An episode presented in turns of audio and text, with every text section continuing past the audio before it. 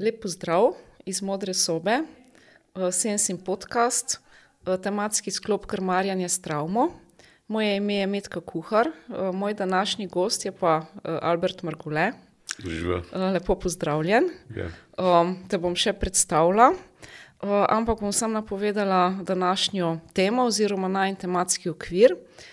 Pogovarjava se v času, ko smo bili priča nasilnim dogodkom, zelo nasilnim dogodkom v Srbiji, tudi v Sloveniji, ne, takemu primeru. Tako da je to tema nasilja mladih, empatije mladih, odnosov z mladimi, tudi vzgojnih stilov oziroma načina sploh nekako vzgoje zelo aktualna v tem času. Gre pa za teme, ki so širše aktualne od recimo samo zdaj, maja dva tisoč triindvajset. Tako da se bova dotaknila nekako te širše tematike. ja, in sem zelo vesela, da si tukaj na podkastu, Albert, ker si in ja, psiholog, sociolog, sistemski družinski terapevt, tudi supervizor. predvsem deluješ v s pristopom, ke se mu reče čustva osredotočena oziroma usmerjena terapija. večinoma, ne, delata tudi nekako skupaj z ženo, ženo Leonido ustvarjata, v okviru zavoda Vezal. ja, skupaj delata od leta dva tisoč pet. že res dolga doba, ne, tako da imata individualne terapije, svetovanja, ne, za partnerske odnose, družine, starše, ne, imata pa tudi predavanja, seminarje, zdaj tudi spletno skupnost, o kateri bova lahko še kaj povedala. ja, jaz pa tudi nekako, midva se poznava že nekaj časa še s področja mladinskih študij, socioloških mladinskih študij, kjer si imel tudi zelo veliko prispevkov, ne, pri vpeljavi se mi zdi pomembno poudariti programa PUM, projektnega učenja mladih. Zdaj tudi, ne, si predsednik nacionalne mreže telefona za otroke in mladostnike. in veliko knjig si napisal pred temi knjigami, ke so tulele, ne, pa se bolj dotikajo, starševanja, ne, odnosov starši-otroci. si pa že pisal knjige še v prejšnjem stoletju, ne. Prejšnjem življenju. Oziroma v prejšnjem, tisočletju, ne, v prejšnjem življenju. recimo bom rekla Malopridna mladež med zaščitniki in preganjalci k nastajanju mladinskega prava, ne, ke je izšla iz tvoje tudi, doktorske disertacije. že magistrska naloga je bila na temo vzgojnih zavodov. Skratka, zelo veliko imaš tu že ene kilometrine znanja, ne, Kam z mularijo, načela kakovosti neformalnega dela z mladimi dva tisoč tri. Sama krasna dela, ke se res zdijo, ja, tako en drug čas. ja, zdaj pa, skupaj z ženo, ne, ta čudovita knjiga, ke je tukaj odzadaj, Izštekani najstniki in starši, ki štekajo, tudi jaz jo imam kot eno tako vzgojno biblijo, bom rekla, doma. In, ne, tukaj tudi ne, recimo to je na moji, levi strani temeljni vodik, vodnik Vpliv staršev od rojstva dalje. ne, so pa izšle že štiri publikacije, kjer, si pa starši lahko pomagamo, tako da nekako, sledimo tem vprašanjem, gremo v neko refleksijo, ne, meni meni osebno se to zdi krasno recimo delati s prijateljico. Tako nekako, da si s prijateljico to zadava pa se malo dobiva pa sva malo skupaj pa malo nekaj od tega nekako greva v eno globino, ne. Ja, mora biti zelo dobra prijateljica, ker, So zelo intimne. rekel, vprašanja nagovarjajo Ja. zelo, ja, intimne zgodbe, oziroma ja, neka ideja je, da naj bi v bistvu, da bi se dalo neki psihoterapevtski proces, peljati z ustreznimi vprašanji, tako da ga lahko sam počnem, a ne. Ja, marsikdo ga verjetno sam. Skratka, cilj ali pa fokus je, priti do odgovorov na vprašanja, kaj so bile naše potrebe, ko smo mi odraščali, in, ne, okoli teh, nezadovoljenih potreb se vrti v glavnem, da rečem, starševsko odzivanje in, ko jaz vem, kaj bi jaz potreboval drugače, potem bom jaz znal to posredovati, svojim otrokom naprej, tako da, tako bom rekel, je neki, pripomoček, da bi te uh, transgeneracijske vzorce, ki se nefunkcion, nefunkcionalne zlasti, ne, ki se prenašajo, nekako zajezili, pa, pa odprli prostor za eno spremembo. Ja, to se mi zdi tako izjemen pripomoček. Um. Ja, uh, se pravi, ideja je uh, bolj ambiciozna, kot uh, je pa odziv. Na to prvo knjigo izštekanje najstniki. Uh, evo, deset let bo letos, ne, se prav spomnim, kako so tisto poletje pisali, ali pa kako sem imel v sebi občutek, da to pa bo nekaj, kar starši rabijo. Uh, in ja, je, je, je odziv še zmeraj, je res kot Biblija, da jo uporabljajo. Uh, s tem, da ne, spet to ni, uh, da rečem, priročnik za osebnostno rast ali pa priročnik z navodili, kako upravljati z otrokom. Ampak uh, bom rekel, ima noter neko, neko paradigmo prihodnosti, ja, kar, kar pa v bistvu še razdeljujeva zdaj tudi preko te skupnosti in preko knjig, ki nam tako le za vratom stojijo, da jih napišejo. ja, sem, sem brala tudi, zdaj je bil pred kratkim tak sjajni intervju v Mladini, eh, kjer uh, si tudi omenil, ne, da se pripravlja nova knjiga. Um, pa tudi je še več teh knjig, ne, ampak mogoče da ne, bodo to, kar je v teh knjigah, tudi uh, malo pronicali v uh, ta naj današnji yeah. Ja. pogovor. Jaz bi te zdaj kar ob tej aktualni tematiki vprašala, ne, kako se lahko kot družba, ker si tudi recimo sociolog, um, te bom tako vprašala, kako se lahko izognemo poenostavljanju te kompleksne problematike nasilja, empatije mladih ne, um, in celoviteje, bolj celovito naslovimo to težavo oziroma ja, ta problem. Zdaj, uh, ne, s, kot recimo z, z nekimi urodji, ki jih imamo skozi pač tudi, da rečem, uh, humanističnih ved, ne, imamo polno nekih konceptov, preko katerih premljivamo neko, neko ne vem, stanje ali pa nek, nek pojav. Uh, in eno je, da ne, ti koncepti. Uh, nekako ne grejo skupaj. Ne. So tako, da pač en je usmerjen na, na nek fokus, drug na nek drug fokus. In, uh, omogočajo seveda zelo širok pogled. Jaz, če rečem, da je tema, ki, ki, ki se pač uh, tukaj kroži ne, v teh zgodbah, je, je to, da uh, v vseh družbah je bila agresija nekaj, s čimer so skušali urejati medsebojne odnose in, in uh, izbira nekih nasilnih ravnanj, je, da rečem, zgodovinska stalnica. Ne, tukaj se zdaj lahko vem, antropološko, etnološko, zgodovinsko, sociološko izživljamo nad uh, iskanjem nekih vzorcev in tako naprej. Ampak meni v bistvu to ni. Uh, tako bom rekel, to me ne vznemirja toliko kot vprašanje, eh, kaj se dogaja v posamezniku, oziroma kaj se tako ne, na neki pragmatični ravni eh, dogaja med ljudmi. Eh, in tukaj, ja, tukaj se jaz zauzemam v bistvu za to, da ne, vsak zaplet, vsak konflikt ima neko zgodbo.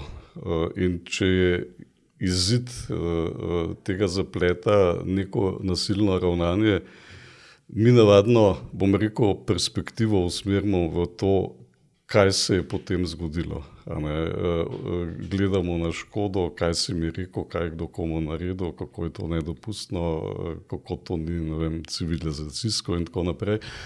Ampak to se skozi isto dogaja in s tem nikoli ne rešujemo, uh, ali pa ne prispevamo ničesar k temu, da bi v perspektivi lahko reševali ali pa spremenjali recimo te uh, neugodne, nedopustne, nečloveške izide. Se pravi, obsodimo to dejanje, ga kaznujemo. Ja, to se je recimo, oh. ne, zdaj, če rečem celski primer v Sloveniji. Ne, uh, uh, seveda, ne, takoj se je z, z, plas nekih komentarjev, ne, ki, ki so med drugim še bolj nasilni, kot pa tisto, ne, tako da se sprašuješ. Uh, ja, in uh, to v bistvu samo uh, nadaljuje z neko vznemirjenostjo, ki, ki pač je občutenje okoli tega. Uh, mene veliko bolj zanima ne, razumeti logiko tega, uh, te, teh vedenj in, in uh, logiko dogajanja. Uh, zdaj, jaz si tukaj, da rečem, lahko pomagam ne, uh, s tem, kar je zadnjih 10-20 let mogoče se razvilo na, na tem našem področju, zlasti z neuroznanostjo, uh, znamo pojasniti, ne, da se uh, v možganih, uh, ko mi izgubimo občutek neke temeljne varnosti, ko recimo smo uh, zelo na nekih temeljnih uh, področjih ali prizadeti ali diskreditirani ali uh, izločeni ali ponižani, ali ne, neki, neki taki, da rečem, uh, uh, zelo intenzivni uh, premiki v tem občutku stabilnosti se zgodijo, mi takrat preklopimo pač v ta, da rečem, limbični sistem, neandertalski, kjer uh, ni kaj dosti izbire, kjer lahko uh, zbežiš, lahko greš v boj ali pa zamrzneš. En uh, Jaz pač razumem vedenja, ki uh, nastanejo ali pa ki jih mi vidimo kot, uh, uh, uh, kar pač označujemo kot rečem, nedopustna nasilna vedenja, absolutno seveda so neprimerna. Ne? In, uh, ampak ne, samo reči, to, to je neprimerno, s tem ne rešimo nič. Uh, razumeti logiko pomeni, da mi lahko pridemo do naslednje postaje, ki se meni zdi ključna, in to je čustvena regulacija. Se pravi, ljudje, zdaj v tem primeru, ne, mladostniki na začetku pubertete ali pa neki zgodni mladostniki. Ki so preliti z uh, hormoni in ki, ki uh, prvič v življenju se srečujejo z nekim upravljanjem z svojimi čustvi, se pravi, da so lastniki svojih čustev, oni apsolutno niso upremljeni za to, da bi zmogli, da rečem, uh, civilizirano uh, regulirati ta, ta čustva in, in ne rabijo pomoč pri tem. Tako da na mesto. Da rečem, moraliziranja, napada, prepovedovanja, kaznovanja, ne vem, kaj vse še, oni rabijo tukaj en drugačen pristop. Uh, in ja, to je recimo ena perspektiva. Uh, zdaj, uh, druga je ta, da uh, ne zaplet ali pa nasilno vedenje ni tako, da nekdo reče, da bom pa jaz nasilen, a ne lop po glavi, ampak je tukaj neka zgodba, se pravi zgodba nekega odnosa, kjer sta najmanj dva udeležena, kjer ima vsak svoj delež. In Jaz ne poznam zdaj, da rečem, uh, uh, ozadja te celske zgodbe, ampak nekje sem slišal, da je šlo za neko, uh, nek, to, kar tudi počnejo masovno, ne photoshopping uh, z nekimi golimi podobami. In, uh, ne, se pravi, to je bil delež tiste strani, ki je potem postala žrtev v, v tej zgodbi. Uh, ne, in tukaj seveda je, se odpira, da rečem, cel uh, nov, uh, nov registr vprašanj ali pa vplivov.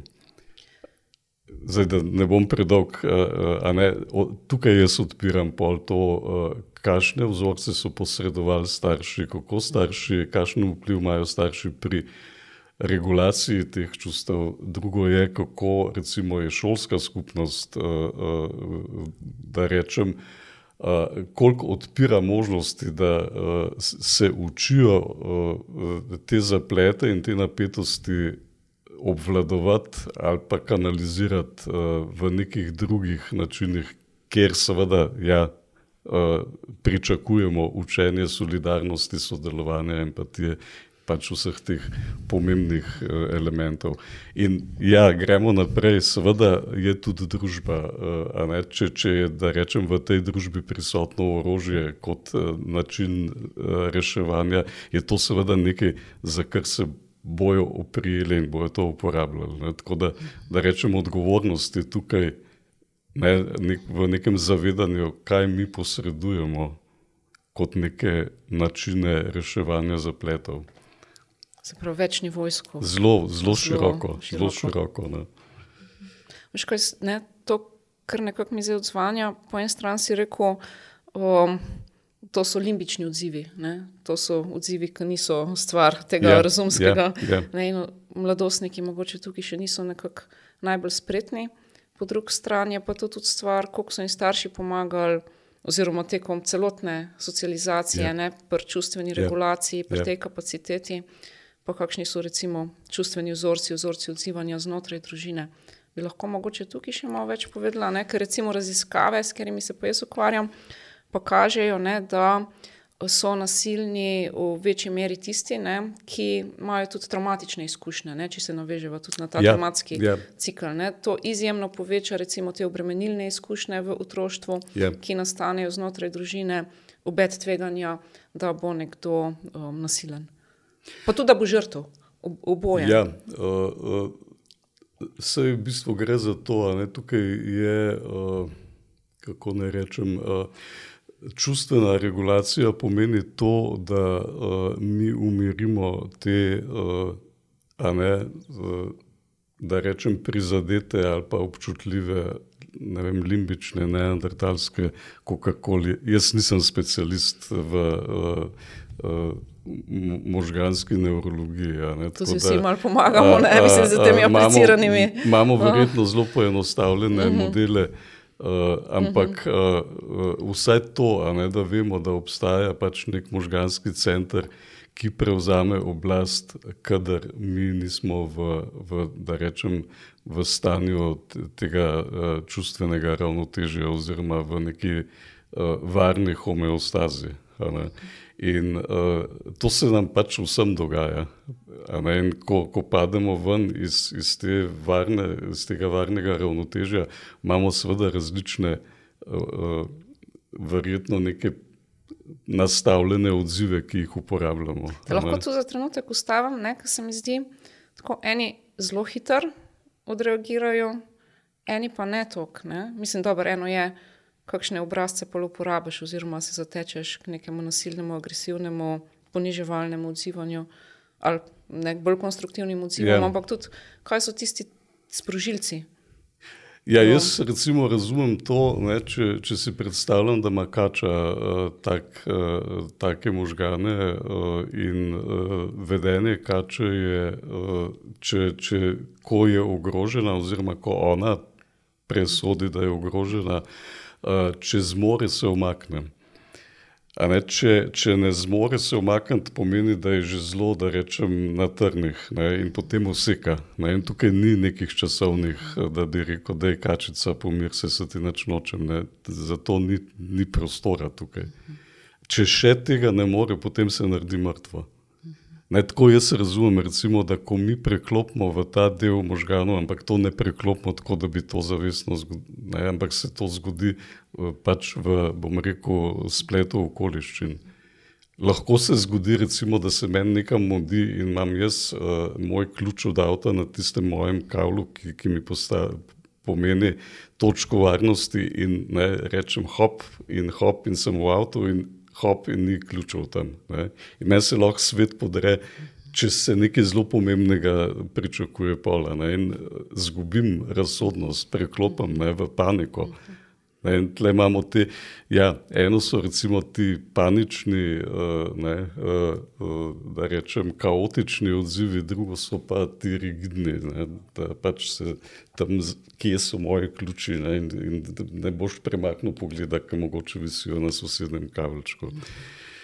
Okay, ampak ja, ja to, so, ne, to, to so značilnosti, bom rekel, naših vedenj, kadar smo mi v takem stanju. In, in če te nekdo, recimo, pred uh, skupino sošolcev, kjer ti je pomembna tvoja vrednost in kjer si šele ustvarjaš neko pozicijo, da rečem, brutalno poniža ali pa uh, zelo najprizadane v tem smislu, pa seveda preklopiš v, v ta način. In jaz zdaj, uh, ko omenjaš traumatične izkušnje, ne, uh, Mam, uh, v bistvu sem se spomnil dela z enim otrokom, ki je, uh, ki je posvojen. Uh, krasna družina, krasni starši, krasno je funkcioniral in tam nekje okoli desetega leta, kar tako iznenada, je začel postajati, da rečem, res nesprejemljivo nasilen. Uh, ne, ne vem, pluval v, v, ne vem, obroke, demoliral šolske potrebščine, boksno, tako da pač so mogli pomoč poklicati in res brutalno. In uh, je bil seveda prvi odziv pač ta klasičen, da dajmo se pogovarjati. On je rekel, ja, da mu je žal, pa ne bom več, pa seveda se skozi in skozi to ponavljalo. Uh, in uh, pa starši, pa svetovalna služba, ne, pa so obupali, ker pač niso, niso dosegali s tem, kar so počeli, nobene spremembe. In uh, mene je zanimalo, kaj je prišel k meni, uh, kaj se mu dogaja. Ne, kako, jaz sem šel na to, da kako on sploh, da rečem, doživlja v telesu, preden on naredi neko tako dejanje. Ne. In je počasi začel zaveščati, in počasi je, da rečem, pripovedoval zgodbe, ki so govorile o njegovem občutku uh, izključevanja, niso ga povabili na rojsten dan. Uh, v, tam pri računalniku, kjer je pač bilo očitno nekaj pomembnega, ni prišel zraven. A naj vse čas je do, doživljal uh, nek, neko odrivanje, nek, ne morem, nesprejetost. nesprejetost, recimo posmehovanje, uh, tudi kašne zelo grde. In uh, tako bom rekel, je do neke mere ozavestil uh, nadzor nad svojimi občutki, ampak ni bilo, da rečem, dovolj. In pa sem jaz v enem momentu se odločil, da bom mu pojasnil, kako jaz razumem delovanje njegovih možganov. A jaz sem rekel, gledaj, uh, jaz vem, da se je tebi zgodilo nekaj, kar absolutno ni prav, ampak ti si bil v času vem, starosti treh mesecev zapuščen in ne, to je tvoja, bom rekel, travma, ki jo imajo tvoje celice zapisane. In ne vse čas v bistvu si v stiku s tem, da si lahko zapuščen in je to nekaj, kar nikakor nisi mogel obvladovati, regulirati. To imaš ti nekje v sebi. Ne? Se pravi, zdaj, da je on tudi hiperobčutljiv. Ne, no, Vsak, da rečem, vsaka tako. asociacija, ki, ne, ki daje možnost, da, da ne boš sprejet, sprejet, je njemu seveda aktivirala ta preživetveni sistem in, in je, ne, ko je lahko. Mogoče komu drugemu ne bi. Ne? Itak, ja. Ne, ne, tukaj nikoli ne vemo, kaj se dogaja. Eh, da rečem, ne moramo imeti nekih receptov ali pa nekih pravil, kako naj nekdo odreagira, ampak lahko samo pač z nekim, da rečem, spoštljivo radovednostjo, zanimanjem za analizo in z neko empatijo, ne, uh, pridemo do logike teh, uh, teh ravnanj in šele potem lahko nekaj spremenjamo. Ja, če se tle malo odzovem, tle, zdaj, ko te poslušam, mi vse čas hodijo po glavi, ne ti začetniki. Um, Trauma, psihologija, ne, oziroma začel se je to še z uh, zdravniki, ki so se ukvarjali z žilčnim sistemom. Ne, nekako so prvo gledali, kaj je narobe z žilčnim sistemom ali z možgani. Potem so se pa še lepo čas, recimo Brike v 19. stoletju, en prvih, ki se je začel pogovarjati z ljudmi. uh, mislim, sploh kako yeah, ja, se je yeah. Ja. razvilo to področje, da se ne išče samo nekih ali pa celo bioloških okvar, ne, nekih takih patologij ali gleda samo vedenje, ampak tako, ja, da ljudje lahko povejo svoje subjektivno doživljanje, da se jih sploh sliši, da se jih resno vzame. In potem to, kar praviš, ja, da se vidi, kje je tudi mogoče ta izvorna rana, ne, kje je ta travma, ki te lahko dela tako, bom rekla, hiperobčutljivega um, v določenih situacijah, ne, ki so potem sprožilci. Um. Ja, če lahko tukaj ne, ravno v tem, ne, da se pravi, kar rečemo, pogovarjati se. Ne, Ampak zakaj gre? Ko, ko jaz recimo ubesedim, ko, ko najdem uh, nek, nek besedni opis za, za ta nek občutek, ne, pomeni, da jaz takrat s tem aktiviram frontalni režen in s tem frontalni režen prevzame nadzor nad limbičnim sistemom. Uh, ne, in to je, da rečem, eden od, uh, od uh, mehanizmov, ali pa mislim, da najbolj učinkovit način čustvenega reguliranja. Tukaj pride ta Daniel Sigar, ki ga oba poznava, yeah. pa ja. imamo tudi v slovenščini knjige ne, iz tega neuroznanstvenega, yeah. Ja. tudi na vzgoju. On krasno, krasno to voriš. Temit, ne, yeah. S tem, ko yeah. poimenuješ to nekako yeah. ukrutiš. Yeah. Jaz sem to oh. prevedel, poimenujem, obvladujem. Ah, ok, lepše. Jaz pa v angliščini pa. yeah. uh, in je res, ne, da Uh, recimo, jaz, če, če rečem pri sebi, lahko eno izkušnjo podelim. Uh, skratka, to nisem verjel. Slišiš se tako malce cenjeno. Ja, ampak, te, take, ne, ne, ampak jaz vem, da, da, da sem uh, bil v nekem obdobju, ko nisem znal, da rečem, regulirati neke, recimo, jeze. Ne. In vem, da sem v nekem trenutku se spomnim, stal. Uh, ne vem, z Lejo smo se nekaj spričkali. Ne, in jaz sem stal sred kuhinje s tistim, ne vem, to gotovo, da, da bi lahko, ne vem, kuhinjske elemente dol potrgal. Ne. Ne, pač nek, da rečem, eh, ne vem, kakšna mikročasovna enota uh, me je spreletela, da to ne bo dobro. Uh, in sem rekel, ok, uh, kaj se zdaj z mano dogaja? Kukar bolj tako, ne, iz te nadutosti, zdaj pač drugim rečeš, da je vprašaj se, kaj se stavi, okay, kaj se zdaj z mano dogaja. Ne? Ampak to je bilo tako, da bi zdaj luč ugasnil.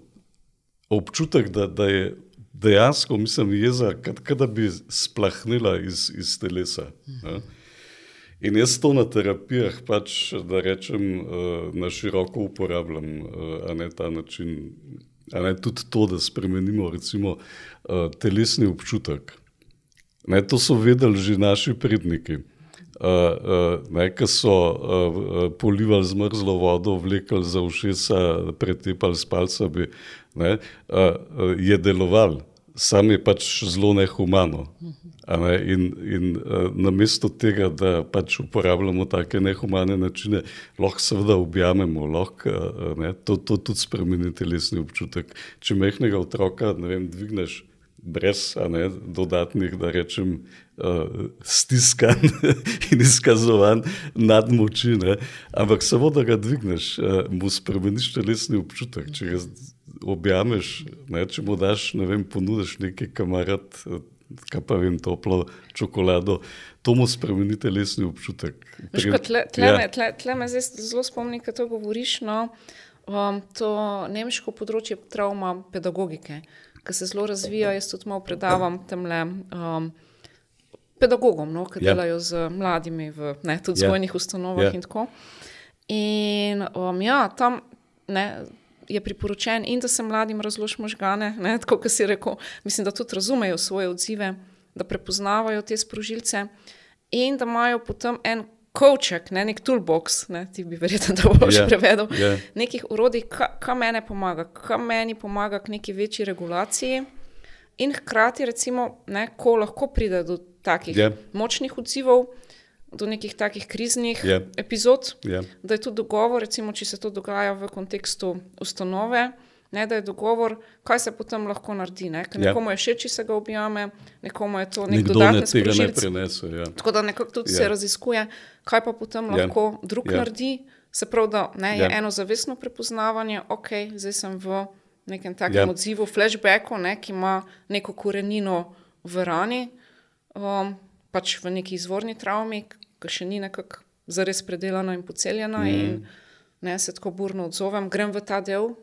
Um, ja, in nekako um, prav, da se tudi raziskuje, ne? mislim, da to je tudi nek tak. Ne nekaj proces, ne, kaj mi še lahko pomaga. Recimo, da so tu take zvečilke, ki se ja. jih lahko vzame, vonji in to vonji ne, neki, ne neka fina eterična olja, ne amonijak, da res zelo spremeni. Ne? Ampak ja. tukaj res ja. govoriva. Ja o zelo, pač zelo gre, traumatiziranih, recimo, gre za, eh, bom rekel, uh, uh, ravnanja, ki, ki so učinkovita, ki jih pač poznamo, recimo, ne, mhm. preverjeno. Uh, S tem, da kar jaz razmišljam, ne, ob tem, uh, moja izkušnja je, da in starši, in recimo učitelji, ne, uh, kada pričakujejo, dajte nam neke recepte, ne, tako, ne, ne zdaj razglabljati o nekem možganskem delovanju, pa kaj, dajte vi nam povedati, kaj jaz naj takrat naredim, kar se meni un obtlava že recimo. Ne.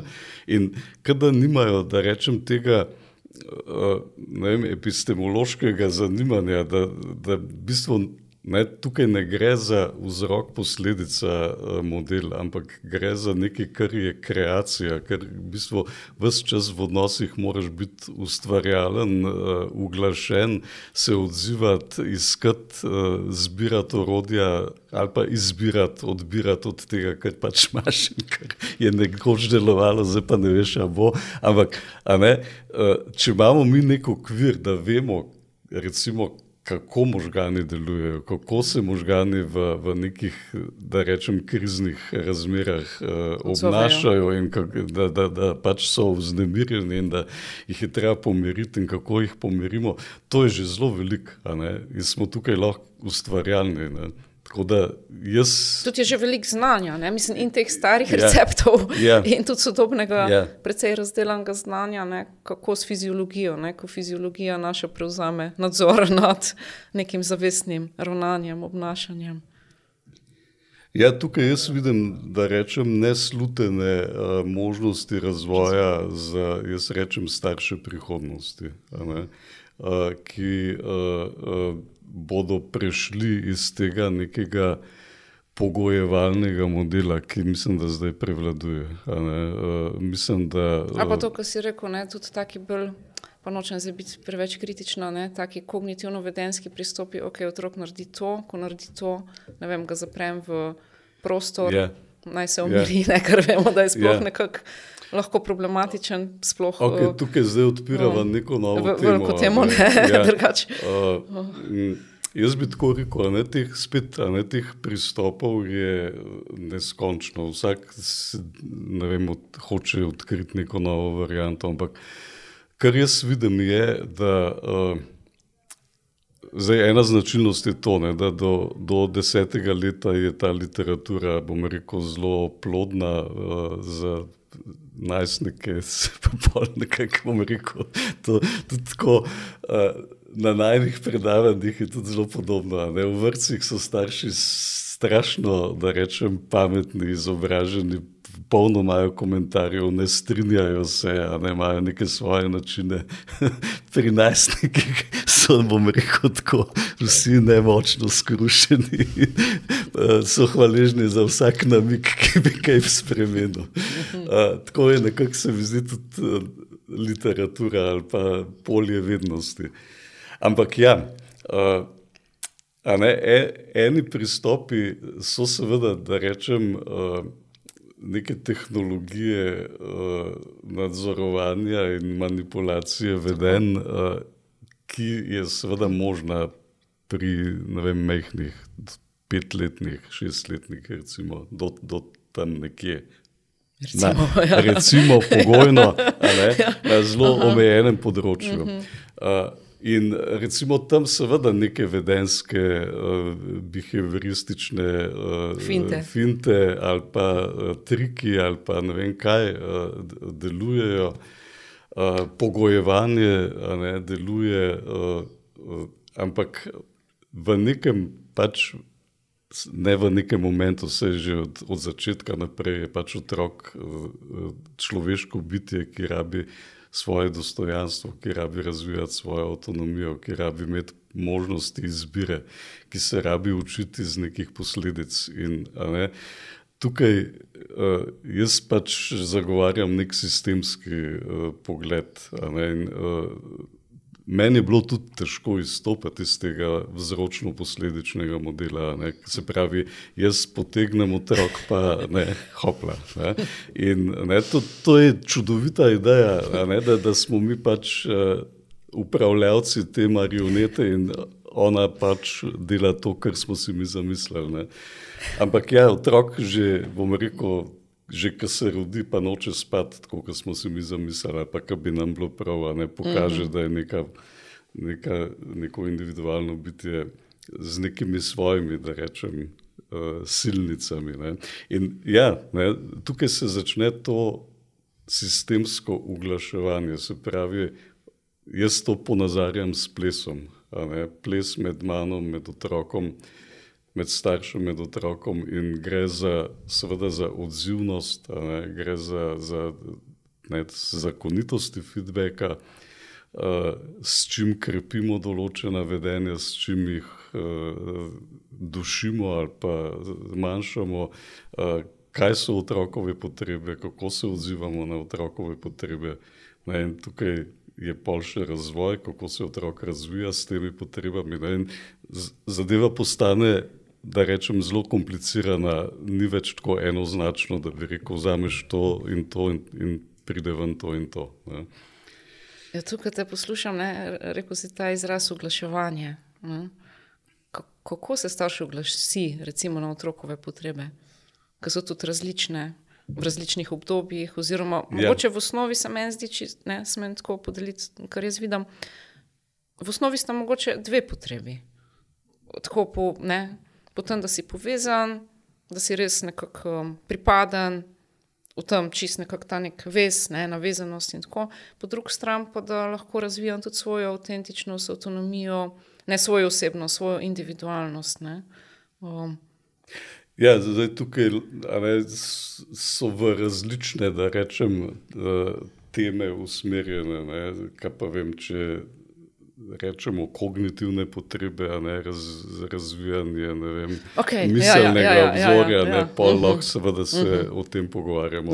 Lahko ja. se o čustvenih potrebah, ne, kjer je seveda navezanost ali pa teorija navezanosti zdaj, da rečem, preplavlja celotno področje in, uh, nam, bom rekel, res zelo pomaga, ali pa zelo, zelo si mi z njo lahko pomagamo, ker pač to, da smo kot sesalci, ne, ne samo kot ljudje, ampak sesalci, preživimo z neko začetno izkušnjo, da nekdo za nas poskrbi, da ne, je nekomu mar za nas, da, da imamo nek stik, da, da se tukaj ne ta čustva ali pa ta čustven del začne razvijati. Ali to je temelj, da rečem, naših najpomembnejših uh, izkušenj, ne, da pripadamo, da, da imamo nekoga uh, radi, da nas, nas nekdo mara. Uh, Tudi osnova za čustveno regulacijo, ki smo jo prej omenjali. Skozi pač to izkušnjo. To je, to je, da rečem, en zelo, zelo močen okvir uh, za razumevanje naših vedenj in naših ravnanj in hrepenenj. ne. Uh, uh, tako da, ja, to je seveda, uh, da rečem, en del nekih potreb, ne? ampak so pa seveda še te potrebe, ja, da, si, da si avtonomen, da si uh, pač individuum, ki lahko izbira, ki si lahko ustvarjalen, ki, se lahko zabavaš. Ne, tukaj noter pride tudi seveda neka potreba pomoči, uh, če se malo na nasilje uh, uh, vrneva nazaj. ne. Uh, ampak to, to si, bom rekel, zelo različno razlagamo. Pa, ne, uh, eno je fizična moč, ki se povezuje z zlorabo moči nad drugimi nasiljem in tako naprej. ne. Drugo je pa neka uh, notranja moč, jaz bi rekel. To, da mi nekaj zmoremo, ne, da, da zmoriš premagati ovire, da, da recimo zmoriš se ustaviti v nekem impulzu in ga ne spela do konca, ker veš, da pač ne, ni humano. Recimo, ali To, pa, kar bi ne. psihologi rekli, Ja. ja. samo učinkovitost pa Jaz nek niti ne poznam več vseh teh da- izrazov, ki Da jih je jih daje pa gor te nalepke. Ja, uh, ampak ja, uh, jaz recimo sem uh, tako spet iz tega pragmatičnega vidika uh, zelo poenostavil uh, razumevanje otrok skozi te potrebe. Uh, skratka, uh, enkrat sem pač imel ta privilegij, da sem opazoval neko družinsko dinamiko. Ne vem, štiri pa pet letne punčke sta bile zraven. Ne. Lušne, prijetne, srčkice. ne. Uh, in v enem momentu jaz tako si rečem, pa se tukaj se gre samo za to, kdo bo, kdo bo šofiral sceno. Se pravi, kdo bo prevzel moč nad nad, ja, da, vodi, da vodi dinamiko. Ne. Tako mi je postalo jasno. Pa seveda, ne, otroke v coni obdobja in uh, se pravi princip ugodja In ne, socializacija je, da ga pač starši nekako ven terajo iz tega, in otrok uporabi vse načine, da bi se zaščitil, da ne bi šel iz cone obdobja. In moč je ena taka krasna, mm -hmm. en, en krasen način. Ne, in, Pač ne vem, neka scena pri, pri zajtrku je bila, da boš pojedla jajčka, pa bo pol ne vem, neka poslastica, a ona je hotla sam poslastico. Ne, in, a, ne, in so se šli, ne, cel dopoldan so se šli, zdaj kaj, kaj, kaj se bo. Ne, in jaz sem tako, tako sem videl, da pač se ne gre za neke ne vem, fiziološke potrebe, pa lakoto. Če glih je na koncu jokala, da bo umrla od lakote, ampak je pač uh, ne rečemo izsiljevala, ampak ni izsiljevala. Šlo se je za to. Krepila moč volje. Ja, ja.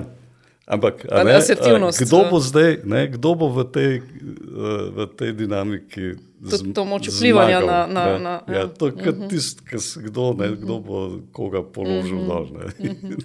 tako, tako se mi je razjasnilo. Ne. Uh -huh. In ja, uh, uh, velikrat vidim to, ne, da, je, uh, da je to tista dinamika pod temi površinskimi uh, zapleti, ne, kdo bo prevzel moč. Uh. Kako pa lahko, recimo, kot, starš, ne, kot starši v teh primerih se odzovemo?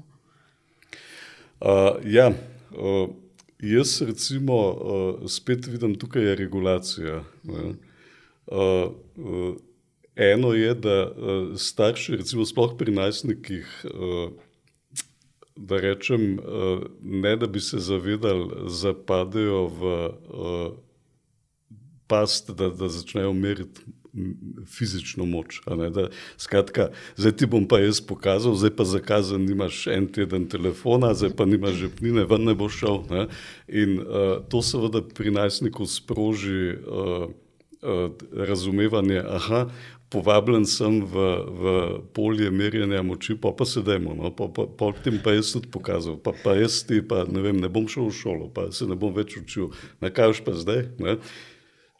Se spomnim ene, enega primera v zvezi z orožjem, ne, je uh, uh, oče je, uh, mislim, da sinu vzel računalnik, ampak je bil tudi nek lovc in je sin potem ga pričakal uh, s puško na mizi, pa je rekel, kam mi boš dal računalnik, ti pa jaz uh, puško vrnem. Ne?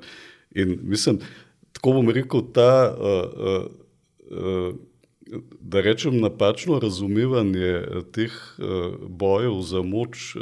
Uh, pelje v, te, ne, v, v nasilje, pelje v zlorabo mm. moči, pelje v, v možnosti nekih tragedij, ne, tudi mm. nasilja med uh, družinskimi člani in tako naprej.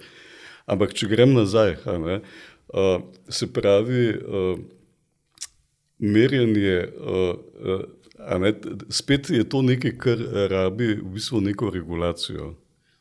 In uh, A ne moj odgovor, eh, da na mesto, da kaznujemo, ker kaznovanje pravzaprav eh, eh, prvič ne uči odgovornosti, je, je poniževalno,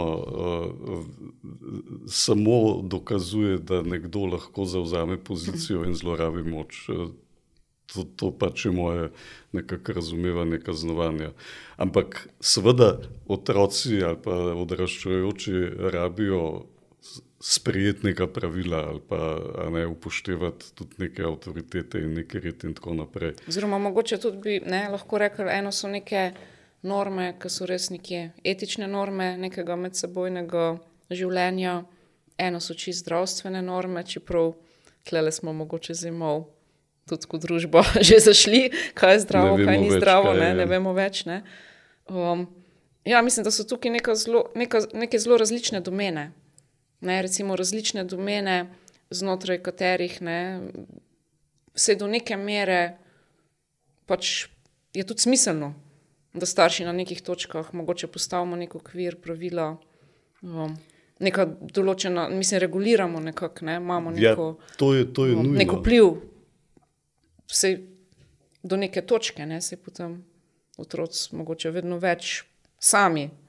Um, Ampak recimo, če otrok ne, pač, ja. bi sam ne zdravo jedel, mislim, bil sam na nekih pohačkih in cele noči um, na, na televiziji ali na računalniku. um, verjetno tle nekako moramo vstopiti. Uh, Se lahko greva, ja, če že jaz, do tega pride. Jaz tukaj, uh. recimo, ne še ena stvar, uh, ki, jo, ki nekako sledimo, ne, je, da dejansko uh, tudi nek normativni model uh, je prisoten. Ne, se pravi, uh, mi nekako normiramo, kaj je zdravo, kaj ni zdravo mi določimo, kaj je prav, kaj ni prav. Uh, mi določimo, kaj je, uh, kakšen mora biti tvoj dosežek v šoli, in tako naprej. Ne? In uh, ne, tukaj je spet neka dilema, ne, da uh, uh, bom rekel, ta normativni pristop lahko pri odraščajočih uh, zadane na, da rečem, uh, nasprotovanje. nasprotovanje oziroma uh, mi s svojim normativnim uh, pogledom uh, se ne oglasimo z nekimi načeli, ki so na drugi strani ne, in, in pride do konflikta in, in ne, se recimo ne, starši uh, so pol usiljivi ali pa ne, jih otroci doživljajo, da so prezahtevni do njih in da jim ne omogočajo neke avtonomije. Ne, so strašne uh, Eh, kolobocije okoli tega. Ampak zdaj, če grem nazaj, recimo, da uh, seveda uh, mm, ne, bom, ne bi razpravljal o tem, ali je to prav ali ni prav, ampak če grem k tisti zgodbi pri zajtrku Deklice, in da ja. smo pač rekli, najprej bomo pojedli jajčka in potem bo še pa, vem, čokoladni jajček. Ne? In zdaj ta otrok je uh, pač imel idejo, da bo preskočil uh, en del, ne? in starši so se pač odločili, da ne. Uh, ne uh, da rečem, ta alternativni način, uh, ki nima noter kaznovanja, uh, je, je bil tak, uh, jaz mu rečem izbira. Skratka, uh, rekli so ji, gledaj, uh, poješ jajčka in potem boš dobila sladico, ne poješ jajčka, potem pač do kosila ne bo, ne bo ničesar. In Ona je seveda v prvi fazi, uh, ali pa da rečem v prvem manevru, izbrala, da jim bo pokazala, da, da je neuklonljiva.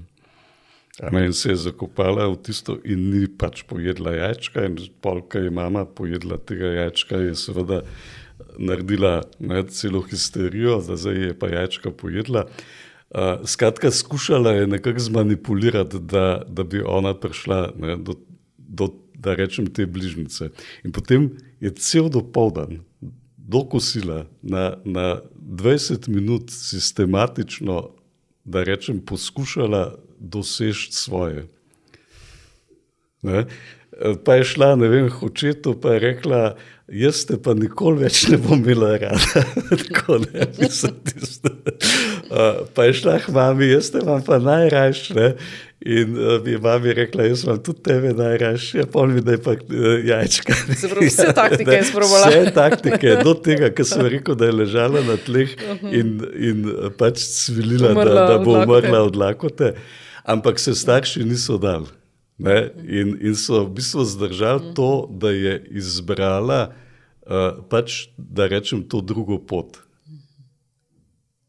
In se pravi, to ni bilo kaznovanje, ampak to je bilo samo uh, ustrajanje na nekih posledicah, iz katerih pač je ona dobila nek model. Uh, lahko izberem, da se recimo potrudim in pridem do neke, da rečem, ugodne posledice, lahko se pa ne potrudim in pač ni ugodne posledice. Ne, to je, da rečem, uh, izkustveni model pod tem. Uh, Ampak ne, eni bojo rekli, da ja, to je tudi pogojevanje, ali pa to je tudi, kaj pa je razlika med kaznovanjem. Razlika je ta, da v bistvu ima otrok izkušnjo, da izbira, da je, da je ne, da rečem, kot človeško bitje upoštevan. In ja, pač ne, nisi zatiran, uh, uh, damo ti to možnost, da, da v bistvu imaš to kapaciteto da spet rečem človeško kapaciteto. Ne, jaz, se pravi, ko lahko izbiram, sem v bistvu neko svobodno bitje, ampak seveda nisem svobodno bitje, bom rekel, v okoliščinah, ki so za me pretežke. Recimo, ne, permisivna vzgoja je ravno tukaj, eh, bom rekel, zgrešila, ker je dala otroku, da bo on sam izbiral, zdaj, če je zaspan ali če ni zaspan. Ali je to jajčka ali, ja, ali čokoladni ja, jajček. Ja. Ne? In recimo, ne, slišva od staršev, ja, kaj pa, če ni bila lačna. Ne? Ne, sej ni, ni bil, bom rekel, point v tem. Čudovito. Ja. Lahko daš še kak primer um, za najstnike? Ja, jaz imam ta priljubljen. Svoje primer, zakladnice. Ja. kako kako ne, ta način izbire? Ja. Uh, uh, recimo, kar se zelo obnese, ne, je. Uh, zdaj sicer ob koncu šolskega leta ni, da rečem, ustrezen uh, čas za to, ampak ustrezno je na začetku šolskega leta. Uh, za tiste najstnike, ki imajo zelo potrebo, da so, da so sami, ne, da sami odločajo, da so, ne, uh, puste me na mir, pa kaj mi to težite. Tako, uh, tudi s temi načini učenja, pa, ne, uh, da imajo v bistvu to izbiro. Se pravi, uh, To je čist naš domač primer. Recimo, smo rekli, da si ti uh, napiši končno spričevalo. Se pravi, preden so se sploh kakšne ocene začele, napiši končno spričevalo. Uh, pač tako kot veš, da ga boš imel, ker ti točno veš, koliko boš imel. Ne koliko si želiš, pa koliko misliš, da bi si mi dva želeli, ampak veš. Kaj je realistično? Skratka, realno si ja. napiši, kakšno bo tvoje spričevalo, za koliko si, si pač se namenil prizadevati. In uh, ne, to je v bistvu neka, uh, da rečem, neka lestvica, ki ji boš sledil. In zdaj, le imaš na izbiro, se pravi, delaš sam. Po, na, na svoj način, uh, uh, brez da ti mi pač ne vem, najedamo, težimo, uh, uh, in dosegaš ne, to, to, ta nivo, uh, Uh, mi smo pomirjeni, ker vemo, pri čem smo, uh, ti si odgovoren uh, in pač mirno plavala bo moja barka. Ne? To je varianta ena. Varianta dve je, da se pač lotiš, a ne tako, kot ti hočeš, ampak se zgodi, da pač si zelo pod to lestvico. In potem to pomeni, da še nisi dovolj zrel, dovolj samostojen, in to pomeni, da moramo mi dva vklopiti program zmaj in pač ti začeti težiti in te spraviti na to lesvico, in potem boš spet imel možnost, da boš izbral. Uh, ne, enkrat boš verjetno prišel do tega, da je smiselno, da pač ne delaš teh pretresov. Uh, to sem zdaj mogoče malo na zabaven način povedal, ampak uh, jaz zagovarjam zabaven način ja. v odnosu z najstniki, uh, ne, ker tega nam tudi manjka, recimo uh, sproščenosti, humorja, uh, igre. Uh, Uh, uh, in ja, uh, eni, bom rekel, z, z velikim veseljem zagrabijo to ponudbo, ker s tem dobijo pač možnost za neko avtonomijo in za neke svoje načine. Eni pa seveda, bom rekel, uh, niso še dovolj zreli, pa to zlorabljajo, ampak starši morajo pol to spet zregulirati. Ja, glej, izbral si, da sem zdaj le bom en teden zmaj in ti bom težil, ne, ne ker jaz hočem, ampak ker si ti to izbral.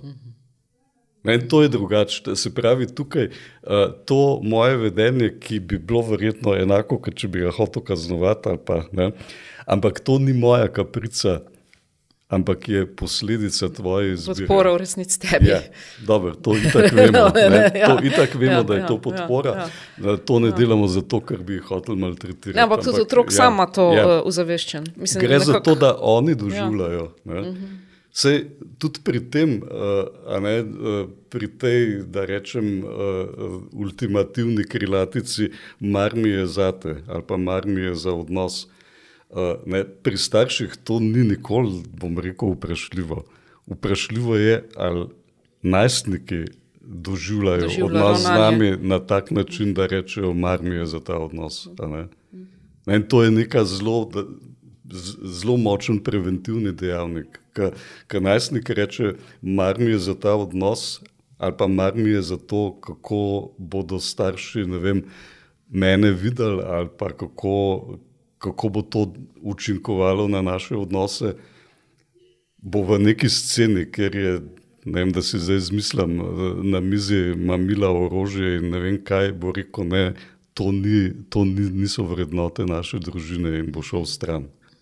A ne, ko mi nimamo nobenega vpliva več na, na to. Ko, ne vem, ko, ko se zgodi neko spletno nadlegovanje, uh, bo pač najstnica rekla, ne, to tlele nekaj ni v redu, uh, ker mi je, vem, da je mojim staršem ali pa moji mami mar za me, ji bom tole povedala, pa jo vprašam, kaj.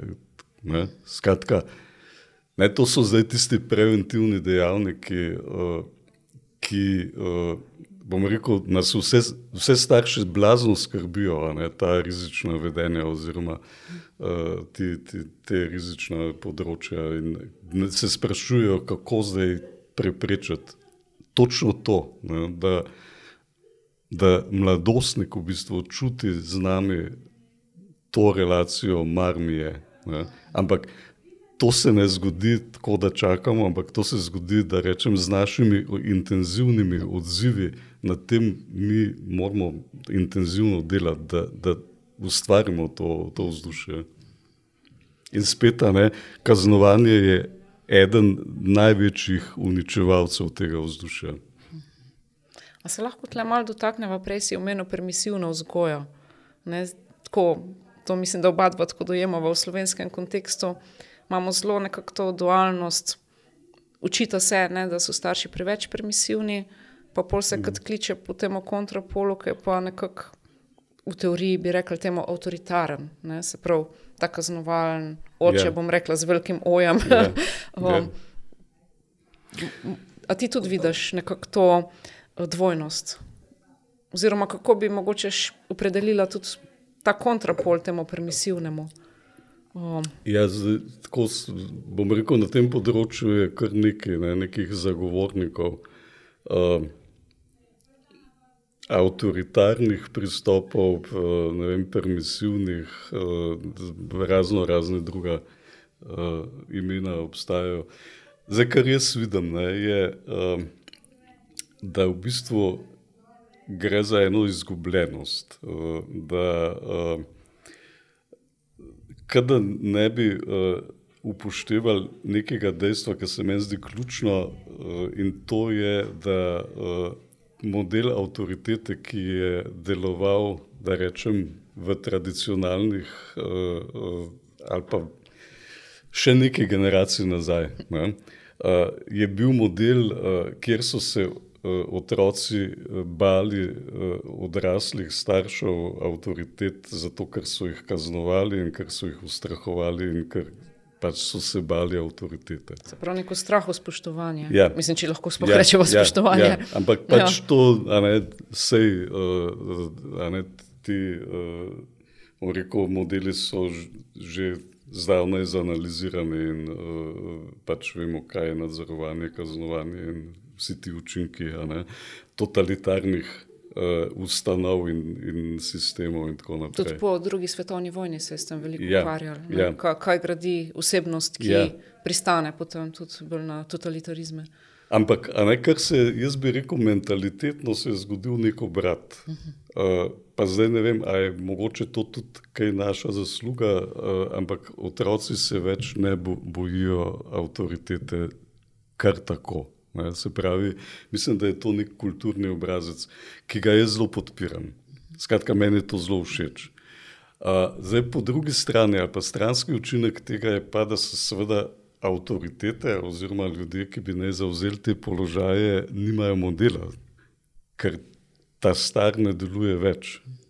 Jaz se spomnim recimo, občutka, da je prvi vzgib, če smo bili avtoritarno vzgajani, da boš tako nadaljeval, da si izgubljen, da bi ga vem, pretepil. In imel sem občutek, da bi ga lahko vem, do smrti pretepal in ne bi reagiral. Se pravi, ne, te generacije ne delujejo, enostavno se ne odzivajo na, na te poskuse. Ne. In ja, moramo najti neke nove, uh, moramo najti neke nove načine. Uh, ne, zdaj, tukaj se zdaj meni odpira šele, da rečem, začetek nekega dela. Uh, jaz recimo vidim, ne, tudi v tej skupnosti uh, za starše najstnikov, uh, bom rekel, delamo nekako po treh stebrih. Ne, uh, tako bom to, kar nekako je, kaj pa vem, ali so to izkušnje, ali je to. Uh, uh, ja, seveda je nekaj znanja, nekaj so izkušnje, sorry, uh, nekaj uh, so izkušnje iz dela starši. Uh, Se pravi, skušala sva strniti, uh, da rečem, uh, smetano tega, kaj dejansko potrebujemo, kaj, kaj se stavlja ta naš starševski odziv. In prvi steber je sigurno to, da se mi zavedamo svojih vzorcev, da, da se zavedamo tega, odkot mi reagiramo. To, kar je tudi v ja, ja. štiri take knjige. Ja. Se pravi, uh, kaj, kaj so tudi neke moje potrebe bile, ki niso bile zadovoljene in uh, kaj so moje nedokončane otroške zgodbe. Kje me bo prej ven vrgel? Ja. Tudi ja. v odnosu z mojim otrokom. Ali pa kje mi manjka neka kapaciteta? Ja, tukaj to lahko presojamo čistko. Ne? Do nekih tem smo, da rečem, uh, na, smo udobno. In navadno smo mi tam dobili nek varen odziv. Nekje pa nismo udobno, nekje smo prestrašeni, panični, tam zalezujemo, nadzorujemo, nekje se pa, bom rekel, smo čist kaotični ali pa se bojimo, se umaknemo. Zmrznemo. Zmrznemo. To, to so pač naše izkušnje. In v bistvu, uh, spet ne, zavedanje, da imamo mi svoj delež v odnosu, to, to se mi zdi ključna, ključno spoznanje za, ali pa uh, ključna podlaga za to, da lahko učinkovito sploh vodimo te odnose A z otroki. Lahko malo ustavim, kako ko bi več ljudi prišlo do. Ne, do ne? Ker veliko ljudi se mi zdi v nekem zanikanju okrog tega, ali pa če ja. neki nezavednosti.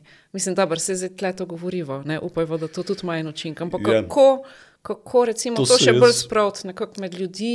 Ali pa tudi včasih je v družinah recimo, ja. en starš, ki ja. je zelo nekako temu naklonjen, ja. bom rekla, ali ne, nekako vidi tudi učinke, drug starš pa absolutno nekako noče. Sploh slišati tega. Ja, da mi smo se zelo s tem ukvarjali, ja. da rečemo od začetka najnega delovanja ne, in sva skušala z raznimi delavnicami. Uh, Dobro, recimo predavanja, ki jih imamo po šolah, so uh, zelo množično obiskana in uh, starši, bom rekel, tako pokažejo, da jim, da jim to nekaj da. Ampak jaz mislim, da se ta premik ne zgodi. Ne? Uh, kar zdaj nekako veva, ali pa ne vem, kjer, kjer imamo, da rečem, dobro izkušnjo, je ravno ta skupnost. Uh, v skupnosti v bistvu se starši. Zdaj bo že več kot eno leto, ne? eni so od, od vsega začetka noter in vidva, kakšne premike so naredila, ne? kako so od tistih paničnih, uh, uh, ponorenih staršev postali, uh, ne mi rečemo, skulirani. Uh, ne? Kako z mirnostjo se lotevajo uh, nekih odzivov, kako jih ne vrže več iz tira in kako otroci drugače funkcionirajo, kako imajo tudi, da rečem, vzdušje v družini, kako se je spremenilo. Ne? In ja, to je najtežji del, najtežje je v bistvu pogledati na sebe. Ker vsak reče, pa se z mano ni nič narobe. In ne gre se za to, da je z mano kaj narobe, ampak da imam jaz vpliv. Odgovornost pa tudi vpliv. Ja, ampak zavedati se tega. Ne? In odgovornost je spet nek tak težek pojem. Težek ne? pojem, ja. Ne, tako, ampak je to, da, da, da enostavno spremem, jaz rečem ta, to sistemsko paradigmo. Pač jaz sem eden od soplesalcev in, in pač jaz seveda tudi prispevam s svojimi koraki, kakšen bo občutek tega plesa. In ja, če se kaj zatakne, se lahko popravlja, se lahko ne naredimo minimalne spremembe, zato da se bomo imeli fajn. In to je ta prvi steber. In tukaj so ne, vsi ti vzorci, vse te naše prepričanja. Uh, ne, ja, ne bom zdaj uh, šel na široko. Uh, pa, drugi steber je pa, da se zavedamo, v bistvu, kaj se v tem odnosu dogaja. Ne, uh, te dinamike, ki jih, te plesi, dinamika, ki jih plešemo. To, to so ti plesi. Uh -huh. uh, recimo o tem je zdaj knjiga, ki, ki čaka, da jo spišemo, upam, da letos do konca. Namreč, ne, uh, starši se ne zavedajo, kako nas otroci zapeljajo v te plese. Recimo, Uh, ne smo, rečemo, bomo prijazni, ne bomo uh, ne, nač, tako, kot so bili naši starši, ne, ne, in bo to tako lepo potekalo. Ne, in pol rečemo, prosim, ne si smeti. Ne. Prosim, ne si smeti. Ne, že stokrat sem ti rekel, prosim, ne se smeti. Ne. Ne, in je vse čas, recimo, ne, mi prosimo, prosimo, na drugi strani ni odziva, nas ne sliši, se nič ne zgodi. Ne. In ja, jaz rečem, da to je prvi tak sentiš ples. Ne. Pol pa začnemo bolj na hart. Ne. Ne, pol povzdignemo glas, pol začnemo groziti, ne pol se ne vem, odzove, pa se začne pregovarjati, recimo en zelo značilnih plesov. Ne, in potem, ko vidimo, da v pregovarjanju tudi seveda nam vrže kapo dol. Ne, uh, prehajamo počasi na ideje, kako bi ga mi z našo nadmočjo, oziroma kako bi zlorabili moč in potem ne pogojujemo, grozimo, ponižujemo, kaznujemo. Ne. Na zadnje je v bistvu. Zadnja stopnja je, da se izklopimo iz odnosa. Skratka, gledaj, meni je vse en, kaj delaš, jaz se ni nočem več imeti nad tabo. Ne, to je najbolj grozljiva, bom rekel, naj, naj, najstrašnejši ples. In ja, tega se starši ne zavedajo in tudi ne vejo, kako ven iz tega, eh, kako v bistvu vzpostaviti nazaj, nazaj stik ne, in, in uh, pridobiti nek drugačen vpliv. Tako da to se nam zdi pomembno, recimo pokazati, ne, uh, ozavestiti. Uh, da so že to neke pozna, poznane faze, neke poznane dinamike. Ja, ja.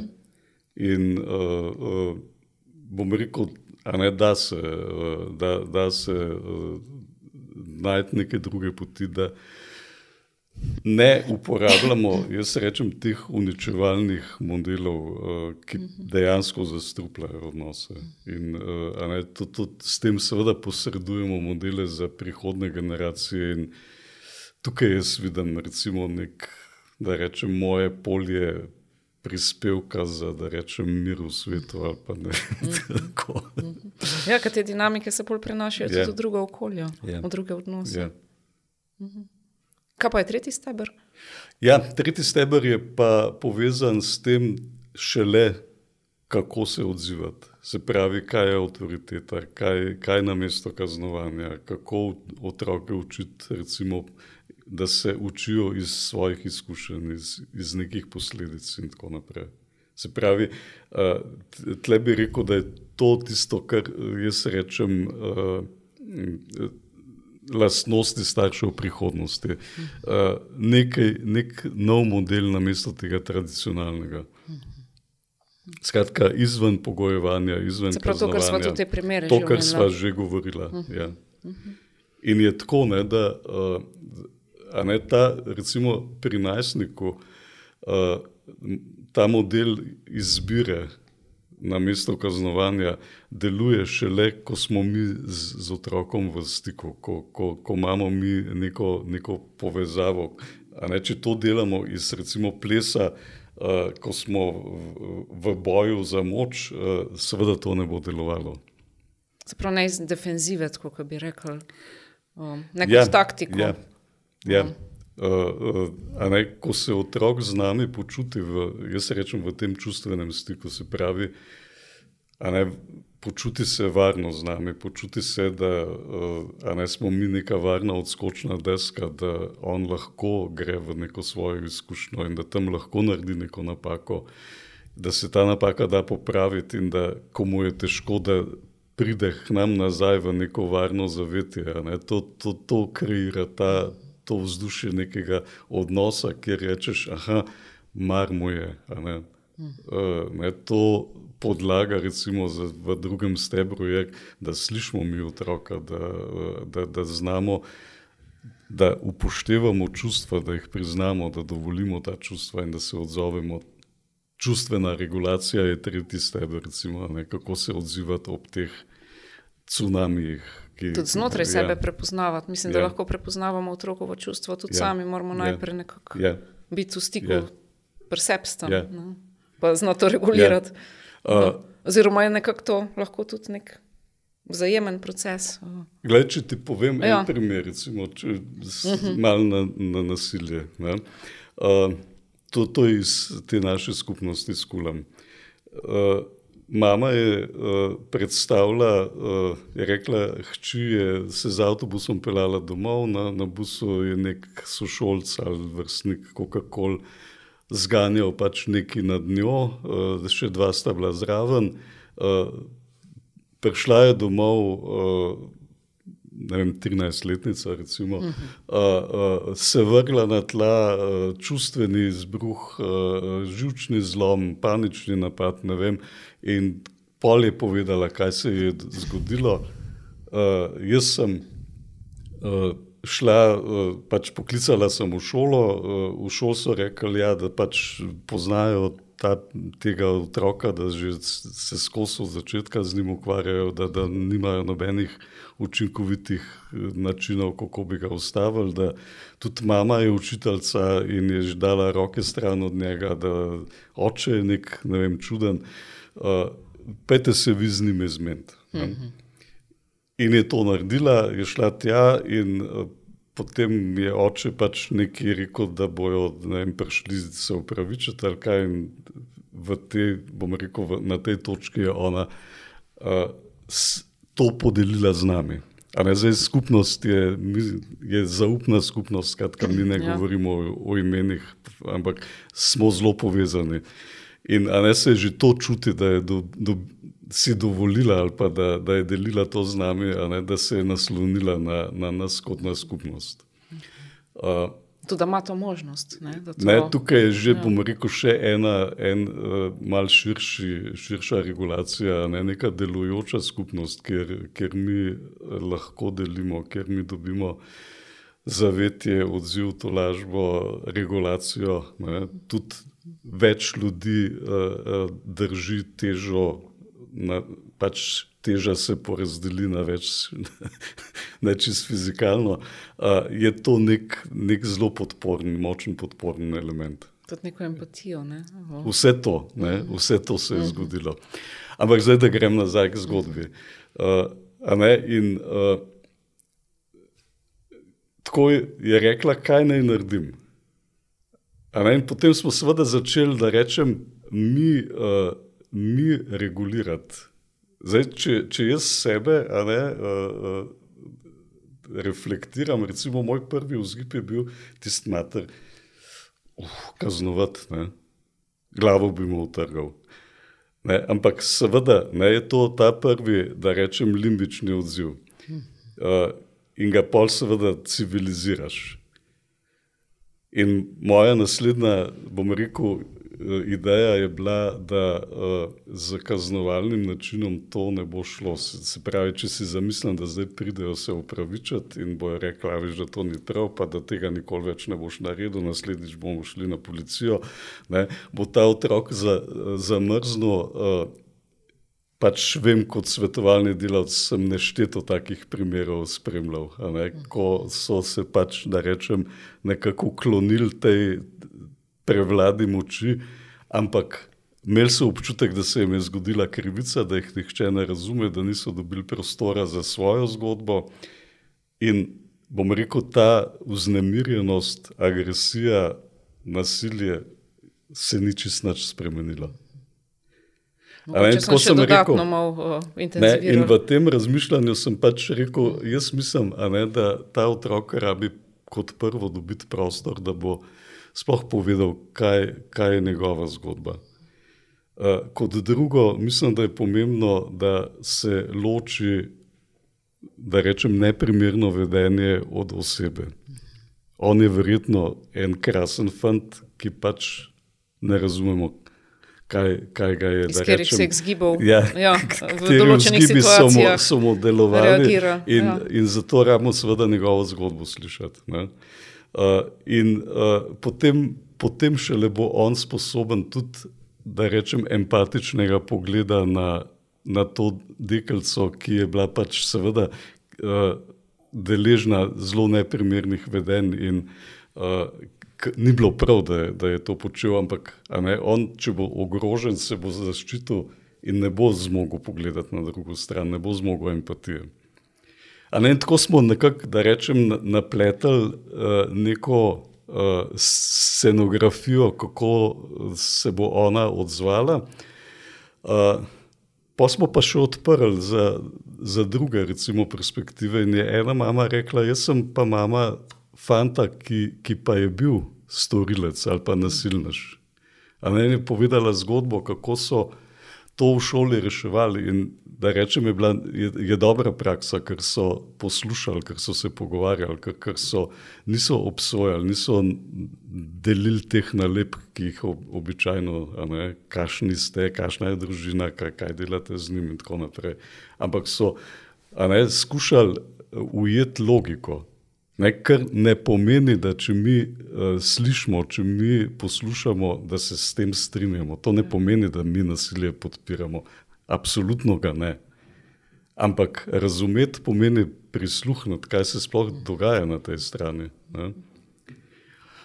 Ok, in potem, a ne smo, v bistvu še ena svetovalna delavka, tudi, bom rekel, dala pripombo, da kako se šola v bistvu drzne preložiti to na starše, da to bi morali oni reševati. Ne.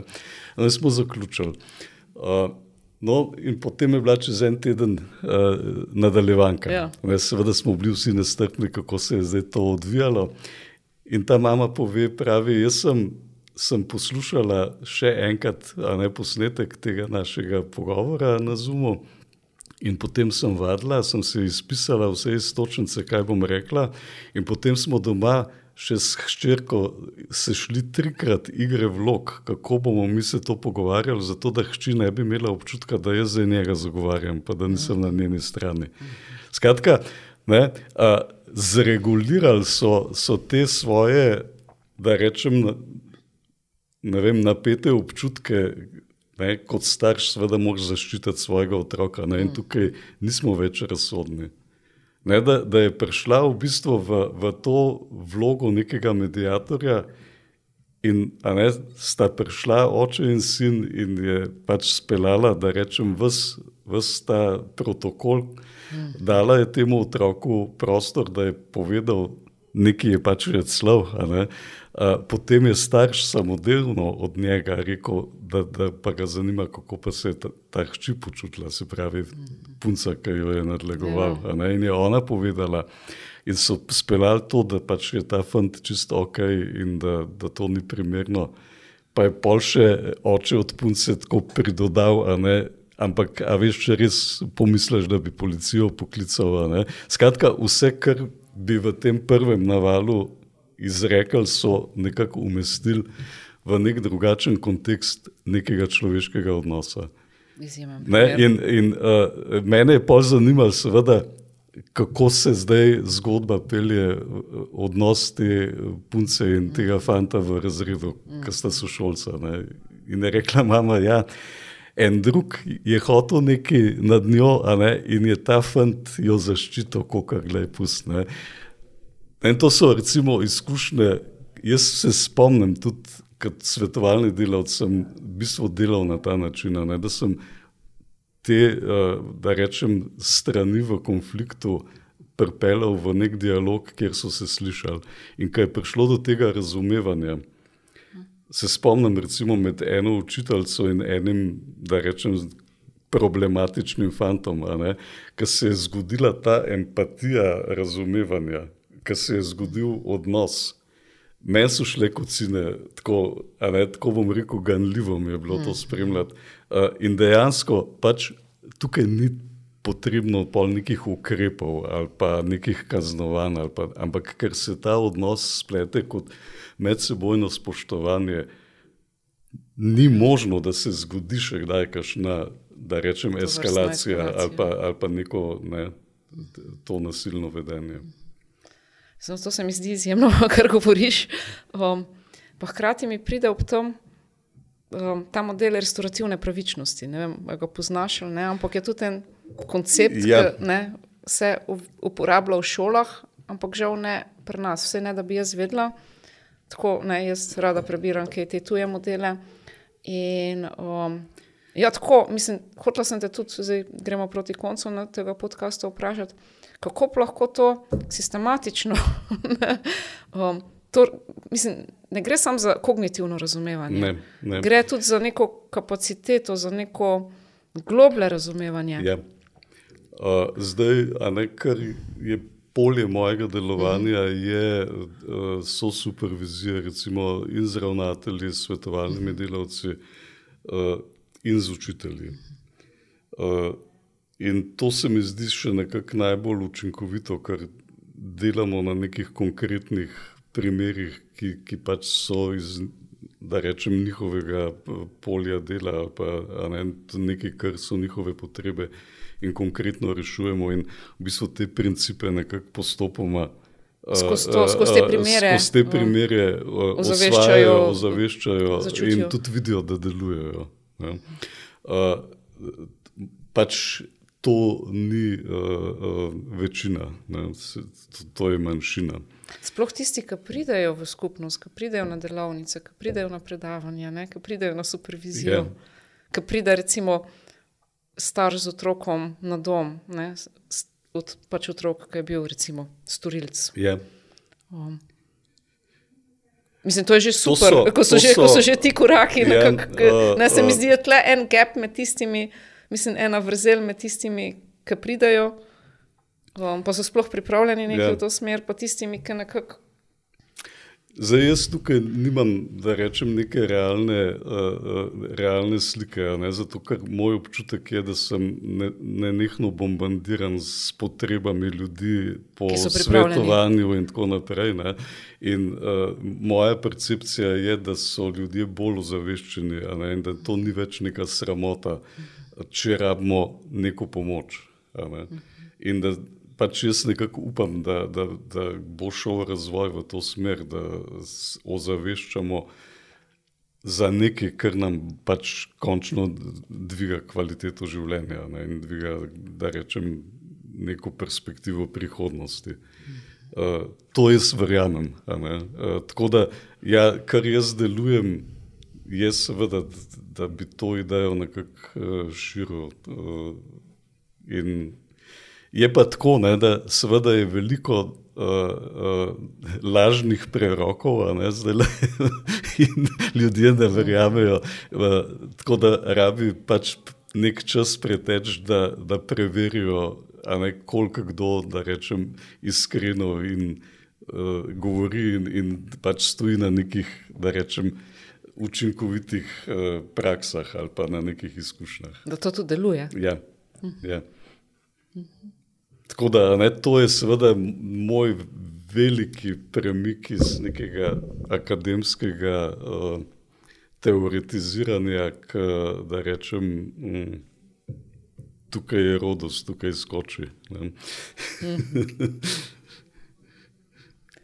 Hvala ja, za ta inspirativen pogovor tako se mi zdi prav, ja, gre za ene ideje, ne, ki se res prijemajo, ne, tudi skozi tvoje, pa Leonidino delovanje in pisanje in uh, vse to delo, ki praviš z ljudmi konkretno. Ne, in tudi današnje tehnologije, ki jih doskrat tako šimfamo, ampak dajo tudi nove možnosti v tem smislu. Um, ja, kaj, hvala, hvala za konec. Uh, ja. uh, uh, tako bom rekel. Uh, kar jaz razmišljam ob tem najnem pogovoru, je, da uh, to, kar delamo v praksi, je zmeri kot nek korak naprej. Ne? Uh, delamo mogoče skozi neke ne vem, intuitivne principe, uh, ki pač delujejo. In, uh, Kot da znanost ali pa teoretska refleksija prihaja izza tega naknadno. In, uh, Meni se to vse čas uh, potrjuje. Ne? Nekaj smo delali, in, in potem dobimo neko, da rečem, znanstveno pojasnilo. In pa rečeš, ja, pač zdaj to razumem, kaj smo delali. Pa, ne, in jaz tudi pri tem tako nekako ne, čutim, da uh, to, kar jaz govorim, ali pa kar mi dva zelo govoriva, je nekaj, kar še ni artikulirano v. v, v da rečem, nekih ali teoretskih ali nekih drugih uh, diskurzih. Ne? In, in da iščeva neke besede, kako v bistvu nagovoriti in, in se dotakniti nekih izkušenj. Oziroma, mogoče ja. zametki tega. Ne vem. Mogoče zametki ja, tega, ne, malo po malo. Uh, ampak se pravi, lahko se motimo. Včasih pa vidiš, da nekdo je že 20 let o tem pregovoril, pa se pač nismo poznali. Ampak so ja. bolj klice tega, mogoče ne jaz to vidim, ne tudi mogoče z tega malo bolj akademskega, ne, da so neke klice tega, neki poskusi tega, ne, mogoče že kakšni dobri poskusi tega. Vsekakor pa ni to še nek mainstream, ja. ali pa ne, predtem to pride, nekako ja. bom rekla, v učbenike ali pa v nek ta širši, tudi strokovni, znanstveni diskurs. Tle pa mislim, da še. Uh, ja tudi znanost capla, ne? ni v tem smislu avantgardna, se strinjam. Ja, najlepša hvala za ta pogovor. Hvala. Ja. Hvala vsem poslušalcem, gledalcem in lepo zdrav.